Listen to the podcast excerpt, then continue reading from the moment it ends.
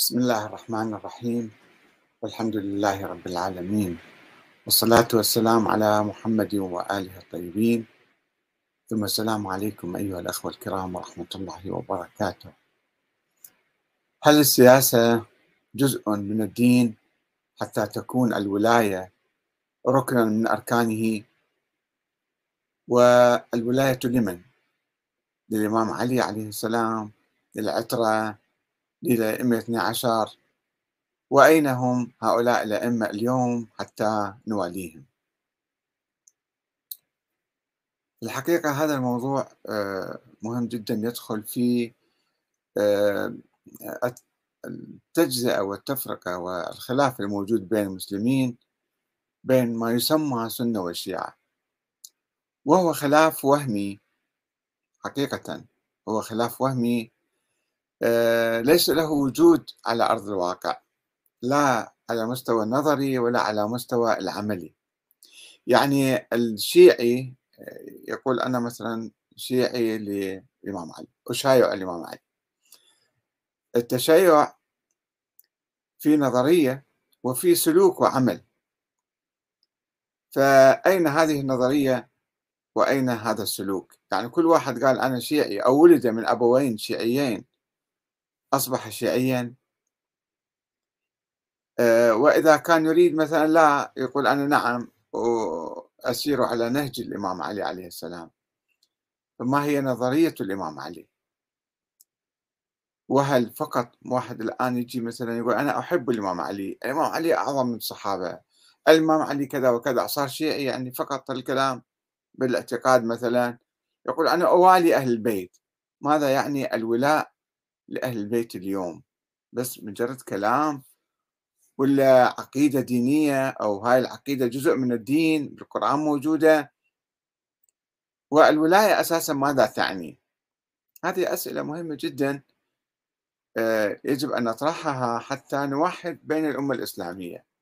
ونزيل الأوهام وليس الخلافات الحقيقية الأوهام بين ما يسمى الشيعة وما يسمى السنة. إحنا الآن الحمد لله كلنا كلنا مسلمون. وإما أن نعيش تحت أنظمة طاغوتية ظالمة مستبدة سنة وشيعة وإما أن نعيش تحت ظل أنظمة ديمقراطية عادلة. هذا هو الفرق اليوم. الفرق بين أن تعيش توالي نظاما ظالما طاغيا دكتاتوريا وبين أن تنتخب أنت الإمام وتراقبه وتحاسبه وتغيره وفي ظل العدالة الاجتماعية. ولكن البعض يهرب من هذا التقسيم الواقعي اليوم إلى تقسيمات تاريخية وهمية ويبني على أساسها أن هذا سني وهذا شيعي. فما هو السني وما هو الشيعي؟ يوجد حديث متواتر عن الرسول الأكرم صلى الله عليه وآله وسلم يقول موجود في البخاري وفي مسلم وهو منسجم مع القرآن ومتفق مع القرآن. حديث متواتر لا يحتاج أن نبحث في سنده ومصدره ومن رواه ومن ما رواه لأن حديث واضح يعني هو مستل من القرآن الكريم. يقول الحديث بني الإسلام على خمس شهادة أن لا إله إلا الله وأن محمد رسول الله. هاي العقيدة يعني طبعا في توابع الإيمان بالملائكة الإيمان بالأنبياء الإيمان بيوم القيامة. هاي كلها الشهادة واحد يشهد أن محمد رسول الله. يعني في في كلام في ضمن هذا الموضوع. والأمور العملية الأساسية في الدين هي إقام الصلاة وإيتاء الزكاة والحج وصوم رمضان. هذه أبرز أمور الدين. طيب إذا إحنا قرأنا القرآن الكريم شوف كل القرآن يؤكد على هذه الأمور. آه آه ولا يتحدث عن موضوع السياسة والحكم والدستور ونظام الحكم ومن يحكم ومن لا يحكم. هاي التفاصيل أو موضوع الولاية ما يسمى بالولاية لا توجد في القرآن الكريم إلا بتأويلات تعسفية يعني. طيب إحنا في مقابل هذا الحديث عندنا حديث يرويه الكليني في الكافي جزء 2 صفحة 18 ينقل الحديث طبعا الكافي كما تعرفون أو الكليني جاء بعد 200 سنة من الإمام الباقر في القرن الرابع الهجري. الإمام الباقر توفي في أوائل القرن الثاني الهجري يعني 200 سنة فاصلة بيناتهم يروي الحديث عنه يعني واحد عن واحد خبر آحاد يسموه قال أبو جعفر بني الإسلام على خمس نفس الكلام مع النبي بس هذا في تطوير. على الصلاة والزكاة والصوم والحج هاي وردت في حديث النبي. والولاية طبعا أكيد يبنى على شهادة لا إله إلا الله وأن محمد رسول الله. هذا صحيح ولكن هنا في إضافة أخرى. ولم ينادى بشيء كما نودي بالولاية. فأخذ الناس بأربع وتركوا هذه تركوا الولاية. الناس مسلمين يصلون يصومون يحجون يزكون ولكن ما عندهم ولاية للإمام باكر في يومه يتحدث عن نفسه يعني إذا صح الحديث عنه. فهنا إحنا نسأل أو هذا الحديث طبعا اللي موجود في الكافي لا يزال يشكل في أذهان بعض الناس آه، أنهم هم مثلا صاروا شيعة. إذا هم والوا أئمة أهل البيت والوا الإمام علي فصاروا شيعة. الآن بعد 1400 سنة. وإذا ما اعتقدوا بولايته وأنه أحق بالخلافة فراح يصيرون سنة. هل هذا شيء حقيقي واقعي أم شيء وهمي؟ وبالتالي هذه التفرقة الموجودة بين المسلمين قائمة على مفاهيم وهمية ليست حقيقية ولا يمكن تطبيقها. لذلك نحن نبحث هذا الموضوع من أجل إزالة هذه الأوهام والألغام الأوهام التي تتحول إلى ألغام بين المسلمين وتفرق بينهم. فنرجع لهذا الحديث المروي عن الإمام باكر أبو جعفر يعني يقول عنه ماذا تعني الولاية؟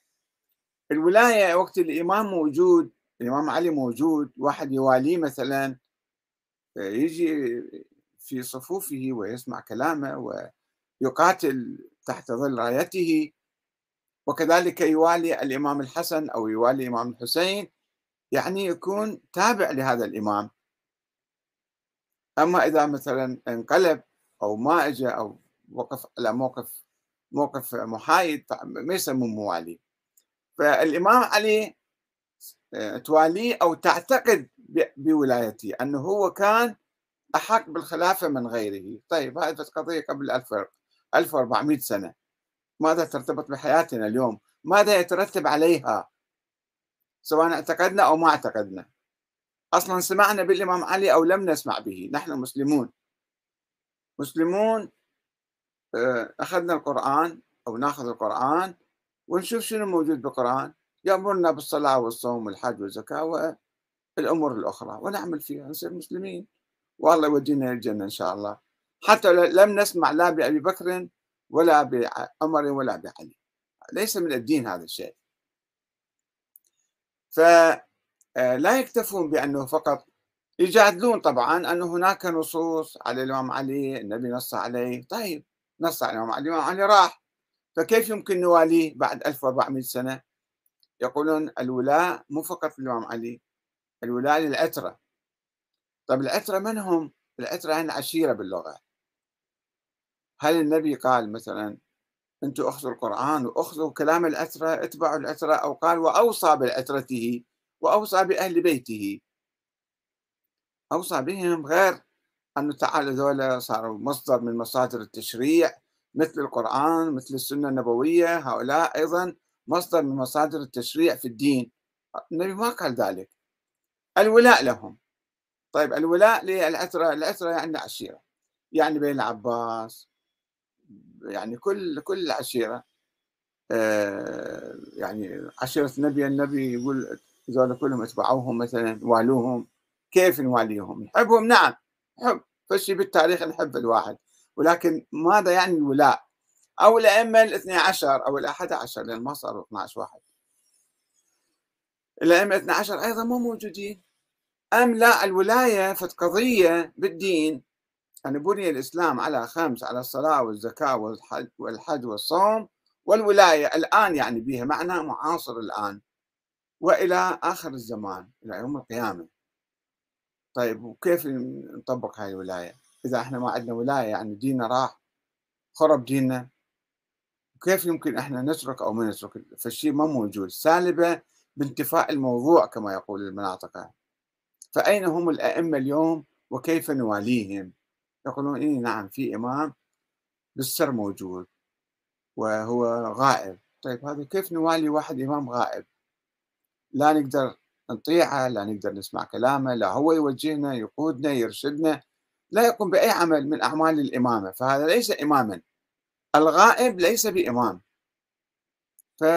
فإذا الفكرة هذه تصبح آه، فكرة يعني عبثية أو وهمية أو ليس لها معنى. وهذا ما آه، سأل عنه أو التفت إليه الأخ سهيل البغدادي. قال زين حاليا أين هي الولاية؟ إذا كانت غير موجودة إذا الإسلام مهدوم وهذا أمر يتناقض مع حديث النبي اللي ما قال الولاية. والقرآن كله ما يقول ولاية مو بس هذا في بعض الأخوة آه، حاولوا يجادلوا بالموضوع. آه، الشيخ مجتبى الزرقوشي مثلا قال أنا منين جبت الحديث الأول؟ وإنه مصدره؟ مصدره بالبخاري ومسلم بس هو مو حديث مو حديث آحاد حتى أنت تسأل عن مصدره وعن سنده وهذا هو القرآن الكريم.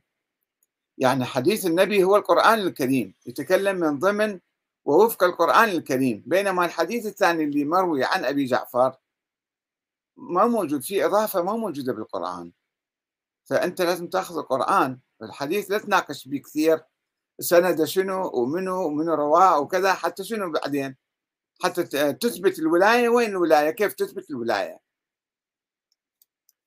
آه، الأخ أبو أحمد صالح يرد على الأخ زركوشي يقول له راجع نهج البلاغة وستجد خطبة أركان الإسلام توافق حديث رسول الله. صلى الله عليه وآله وسلم اللي هي يذكرها أن أفضل ما توسل به المتوسلون إلى الله سبحانه الإيمان به وبرسوله يعني شهادة لا إله إلا الله محمد رسول الله. والجهاد في سبيله فإنه ذروة الإسلام وكلمة الإخلاص فإنها الفطرة وإقام الصلاة فإنها الملة وإيتاء الزكاة فإنها فريضة واجبة إلى أن يكمل الصلاة والحج والصوم. فهذا أيضا هذا هو الإسلام. يعني إحنا ليش نفهم الإسلام من خلال الكليني وكتابه الكافي ولا نفهمه من القرآن الكريم؟ علينا أن نقرأ القرآن أولا. الأخ حبيب قاسم أيضا آه، يناقش الأخ مجتبى الزركوشي يقول له هل تحتكم للقرآن وأمر الله فيه وما أمروا إلا ليعبدوا الله مخلصين له الدين حنفاء ويقيموا الصلاة ويؤتوا الزكاة وذلك دين القيمة؟ تعريف المتقي والصديق يحتاج إلى 16 ركنا ولا ولاية فيه. في أركان تفصيلية بالإسلام أيضا إذن الأشياء الأساسية طبعا. وفي أشياء أخرى آه، ما فيها موضوع الولاية. ليس البر أن تولوا وجوهكم قبل المشرق والمغرب ولكن البر من آمن بالله واليوم الآخر والملائكة والكتاب والنبيين وآتى المال على حبه ذوي القربى واليتامى والمساكين وابن السبيل والسائلين وفي الرقاب وأقام الصلاة وآتى الزكاة والمفون بعهدهم إذا عاهدوا والصابرين في البأساء والضراء وحين البأس. أولئك الذين صدقوا وأولئك هم المتقون. لماذا ذكر 16 ركن أو تفصيل يعني؟ ولا ولاية فيها. كيف تكون أساسية في الدين؟ ولا ذكر لها. المسألة بسيطة. هي جوهرية عند بعض الغلاة وخرطوا لها أحاديث وسور قرآن جديدة فرفض عموم السنة والشيعة سور القرآن وشق على الغلاة قبولها فبقيت كذكرى وتذكر للوعظ والتحذير من الغلاة وأحاديثهم. آه، والشخص آه، السومري أبو رضا يقول أنه هذا حديث الإمام الباقر هو حديث رسول الله نفس الشيء يعني. فيرد عليه الأخ عصام طه يقول كيف كلام أهل البيت نفس كلام رسول الله؟ يعني الكلام المنسوب لأهل البيت كلام أهل البيت نعم هو في الحقيقة كلام رسول الله ما عندهم شيء إضافي. وكل ما يأتي عنهم يخالف كلام الله أو كلام رسوله فهو ليس منهم. فهنا المشكلة المشكلة في النسبة نسبة الأحاديث اللي مشكوك فيها أخبار آحاد نسبت لهم وإحنا كيف نصدق فيها؟ وما بها معنى الآن. آه، وأيضا آه، أقول له الأخ السومري أبو رضا من قال لك أن الأحاديث التي جمعها الكليني في الكافي بعد 200 سنة هي أحاديث صحيحة وقال بها أئمة أهل البيت وليست من أحاديث الغلاة والكذابين؟ هنا الكلام. نعم. آه علي الشرع يقول عندما أسمع عبارة بني الإسلام على كذا أفهم أن المذكورات هي أسس وأصول الإسلام. وهذا يعني أن من يخل بها يكون كافرا. لكن الغريب أن من يقرأ القرآن لا يجد هذا المعنى فكلا الحديثين لم يذكرا الإيمان أي التصديق القلبي. هو شهادة لا إله إلا الله بعد هذا التفصيل هذا. آه والإيمان باليوم الآخر لما لما يقول يشهد أن محمد رسول الله يعني يشهد بكل شيء كما يقول النبي أيضا. آه، محمد فال أبو أبك يقول لعلي الشرع الشرع يجيبه يقول الشهادتين يقول الحق تعالى شهد الله أنه لا إله إلا هو الملائكة وأولو العلم قائما بالقسط. لا إله إلا هو العزيز الحكيم. إذا كان الله تعالى يشهد لنفسه أن لا إله إلا هو فهل نمتنع نحن عن الشهادة بأنه لا إله إلا الله؟ وإلهكم إله واحد لا إله إلا هو الرحمن الرحيم. محمد رسول الله. يعني يقول الصلاة أن الصلاة كانت على المؤمنين كتابا موقوتا أو مثلا الصوم يا أيها الذين آمنوا كتب عليكم الصيام كما كتب على الذين من قبلكم وأقيموا الصلاة وآتوا الزكاة واركعوا مع الراكعين. ففي آه، آيات كثيرة حول هالأمور الأساسية في الدين. آه، آه، الدكتور عبد الفتاح أبوش يقول الرسول يقول بني الإسلام على خمس وأولها شهادة أن لا إله إلا الله.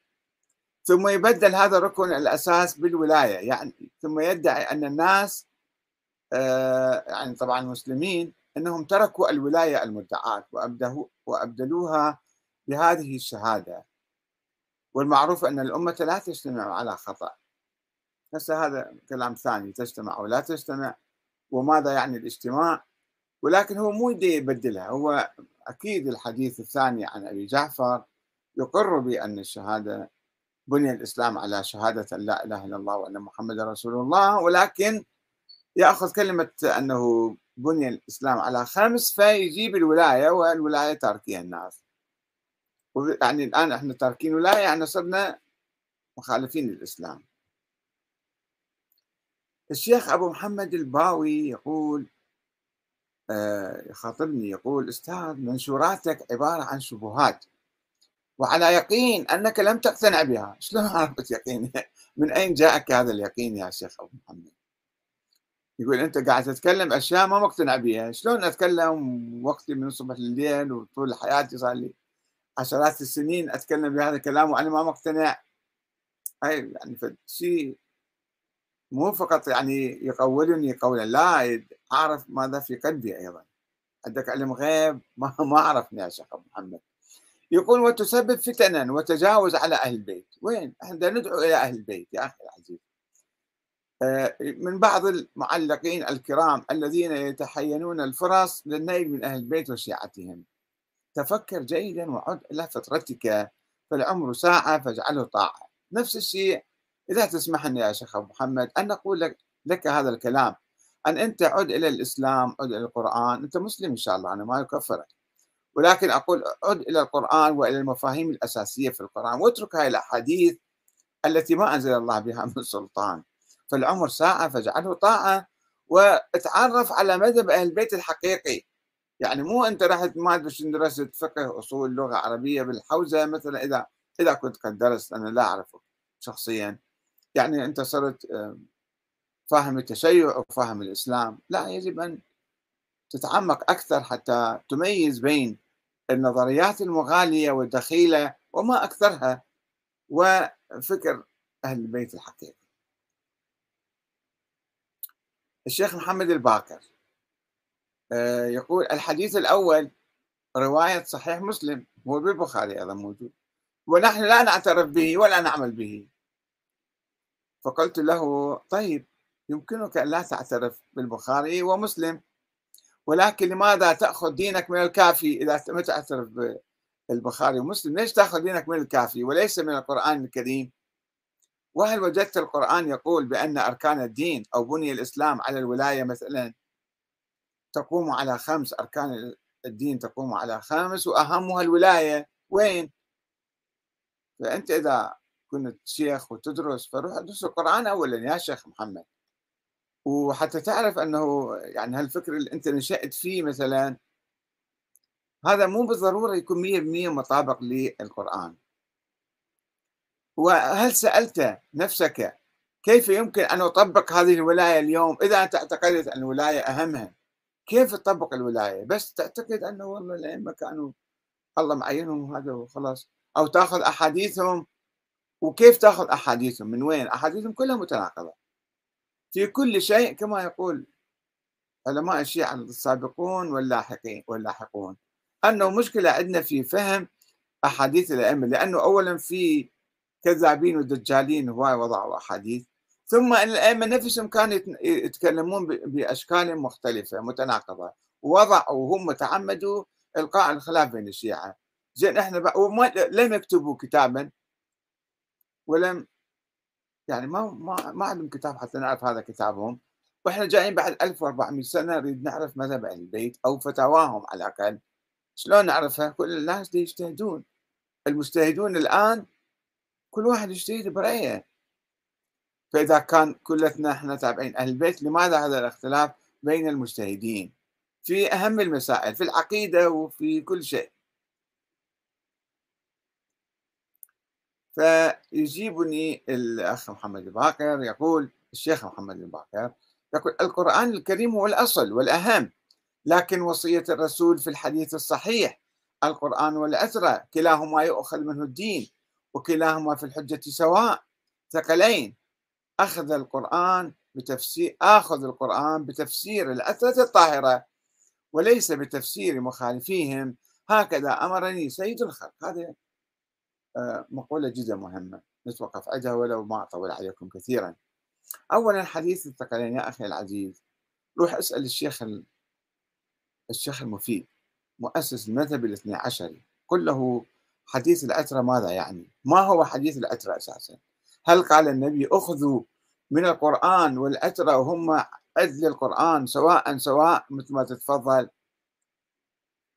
أم الأترة هم العشيرة؟ يقول هو يخاطب الشيخ المفيد يجادل الجارودية في كتاب الجارودية عندك اسمه الجارودية يعني الزيدية أو فرقة من الزيدية. يقول لهم هذا ما يمكن تحتجون به على الأئمة مالتكم لأنه يشمل حتى بين العباس وغير بين العباس. فهذا أيضا حديث هو يعني في عدة أشكال مروي ومو واضح والعترة في الكلمة عامة. ما تعني الباكر أو الصادق مثلا. هذا اولا. شيء ثاني النبي ما قال أخذوا دينكم من عندهم والدين. ثم كيف تثبت أن هؤلاء مثلا كيف تثبت الكلام صادر من عندهم؟ وتقول اخذ القرآن بتفسير العترة. شنو هو القرآن اللي بحاجة إلى تفسير العترة؟ ما القرآن في أشياء واضحة وصريحة. الصل في سنة عملية النبي فسر القرآن. الصلاة الحج الزكاة. النبي شرحها. فانت مو بحاجة أن تأخذ القرآن من أحد. اولا أنت بإمكانك تصلي الصوم كذا وتأخذ السنة العملية المتواترة اللي ما فيها خلاف. فشنو التفسير العثرة الذي يختلف عن بقية التفاسير؟ حتى أنت تأخذ هذا التفسير وما تأخذ غيره. وليس بتفسير المخالفين شنو المشكلة أنت؟ هل اطلعت على ما يقول السنة مثلا؟ شنو المشاكل اللي عندهم؟ في مثلا مسألة مسألتين ثلاثة يمكن أنت آه، تجتهد فيها أيضا وأي واحد يمكن يجتهد فيها. مثلا افترض آه، في التطبيق يعني مو في آه، آه، الطلاق بالثلاث نفترض. الطلاق بالثلاث الخليفة عمر بن الخطاب رضي الله عنه قال يا بل هواي قاعد تستخدمون هاي الطلاق؟ فلكي يمنع أحد يستخدم الطلاق بالثلاث. قال إذا واحد قال أنت طالق بالثلاثة نعتبر ثلاثة لازم تروح المرأة إذا يرجع لها تروح تزوج واحد آخر وبعدين ترجع له. ففسر هذا المعنى بأنه آه، الطلاق بالثلاث يقع ثلاثا أو موضوع المتعة مثلا على خلاف في في موضوع المتعة. هذه قضايا حتى السنة يمكن ابن تيمية قال قال هذا تفسير عمر بالطلاق بالثلاث مو صحيح أنا ما أخذ به. والآن حتى آه، فقهاء وقانونيون في مصر وغيرها في السعودية حتى ما يأخذون بالطلاق بالثلاث بسرعة. فشنو المشكلة؟ يعني مسألة مسألتين ثلاثة فيها خلاف. إحنا نجي نسوي فشي تقسيم بالأمة الإسلامية. إحنا شيعة وذاك سنة. يعني على شنو؟ على كمسألة اجتهادية مثلا إحنا نختلف فيها فهذه نقطة مهمة إذا كنت تسمعني يا أخي الشيخ محمد الباقر. حقيقة لازم تثبت بدقة. أرجو منك أن تقرأ كتب الشيخ المفيد وتقرأ كتابي عن الشيخ المفيد حتى تشوف شلون كان يفكر شلون كان يتكلم شلون كان يألف هاي النظرية الاثنى عشرية. وكيف يأخذ كيف إحنا أو أنت تأخذ مثلا من كلام الأترة اللي هو كلام ما جاينا موثق. جاينا بكتاب آه، الكافي والكتب الأخرى وكلها أحاديث أخبار آحاد آه، لا تفيد علما ولا عملا وأيضا متناقضة. متناقضة في كل شيء.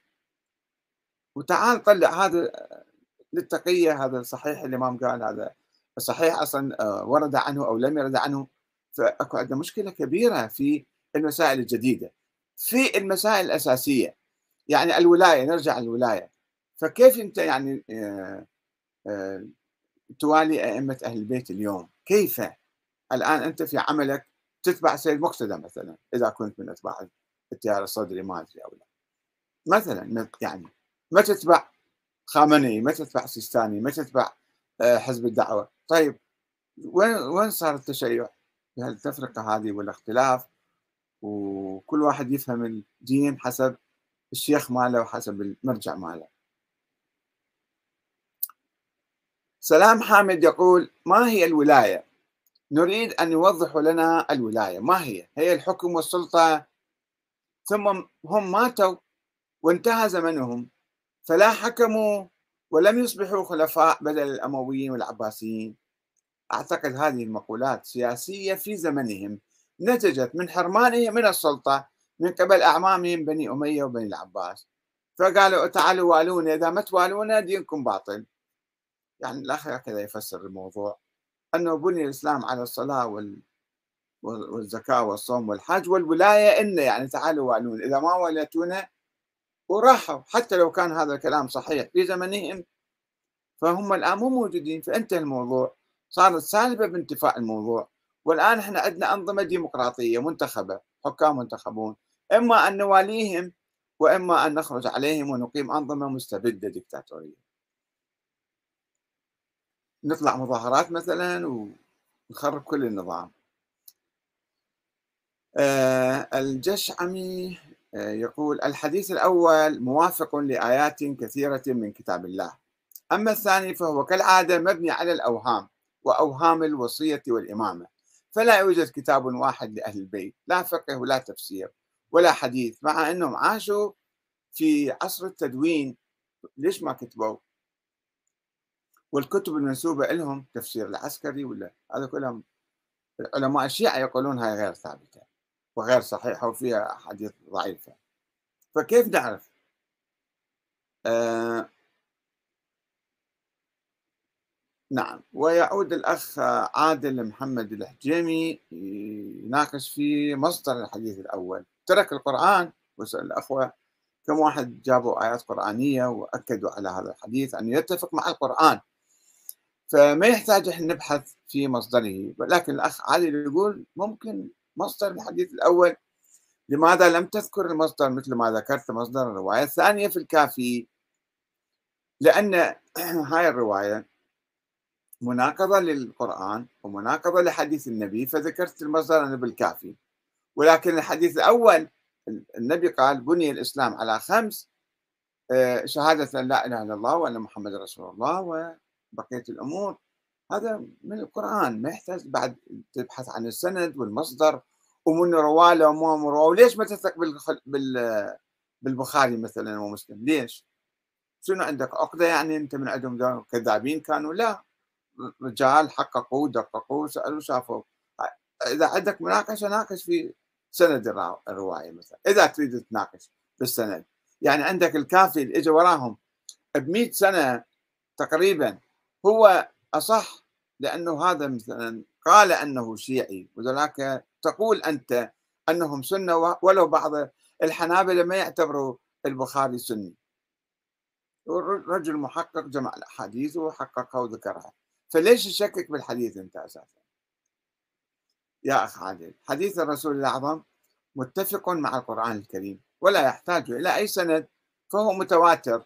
وأما الحديث الآخر فهو مخالف للقرآن الكريم مثل أن يقول أحد هذه الأيام بني الإسلام على خمس على الصلاة والصوم والحج والزكاة والمرجعية. واحد مثلا يجي يقول لك هالشكل والمرجعية لازم أنت تقلد المرجع إذا ما قلدت دينك باطل. وأخذ الناس بأربعة وتركوا المرجعية. فهل كلامه صحيح رغم أنه يتعارض مع القرآن؟ كذلك كلمة الولاية لم تذكر بالقرآن ولم ولم تحدد في من. فلازم نتوقف أن هذا حديث شنو معناته؟ هذا حديث مم هو اللي هم الأئمة قالوا اعرضوا أحاديثنا على القرآن. فاللي يتفق مع القرآن أخذوا به واللي يعارض القرآن لم نقله. هذا حديث مكذوب علينا. لذلك نقول أن هذا الحديث اللي يرويه الكليني في الكافي حديث مكذوب على الإمام الباقر والإمام الباقر يستحيل أن يقول شيء خلاف القرآن الكريم وخلاف آه، رسول الله ويقول أحاديثنا كلها هي ما قال رسول الله ما عندنا إحنا شيء من عندنا. آه، حديثي حديث أبي وحديث جدي وحديث رسول الله. أنا الأحاديث اللي جاية عن رسول الله أقولها. فإذا إحنا عندنا مشكلة الآن هذا الكليني سوى لنا إياها. سوى لنا أحاديث إشاعات كانت و200 سنة واحد عن واحد عن 200 سنة تصوروا أنتم الآن تنقلون فرد فرد نص معين عن شخص معين عاش مثلا بالقرن الثامن عشر أو التاسع عشر. شلون نصدقون واحد عن واحد. لا عنده كتاب لا عنده كذا. والله روى فلان عن فلان عن فلان قبل 200 سنة. هاي مشكلة في في نقل الحديث وفي تصديق بالأحاديث هذه. وهي التي تخلق المشاكل بين المسلمين وتخلق الأوهام حتى تفرق بين المسلمين. ونحن نسعى إن شاء الله وهذا آه، أمر مهم جدا آه، أن نتحد. نسعى لكي نتحد ويتحد المسلمون ونزيل ما في قلوبنا من غل ومن عداوة وبغضاء لإخواننا المؤمنين على أساس ماذا؟ على أساس وهم؟ أن هؤلاء لا يؤمنون بالولاية ونحن نؤمن بالولاية كما قال ذلك الشيخ الذي يعد نفسه يصير مرجع بعد السيد السيستاني يقول أنه لا تنتخبون واحد سني لأنه ما عنده ولاية حتى لو أنفق من الأرض ذهبا وصلى وصام وحج وزكى كل شيء سوى بس ما عنده ولاية هذا يروح للنار وأنا عندي ولاية فأنا انتخبوني أو انتخبوا الشيعي اللي عنده ولاية. هذا وهم. هذا وهم. ويفرق بين المسلمين ولا يستند على قرآن ولا على سنة نبوية. والسلام عليكم ورحمة الله وبركاته.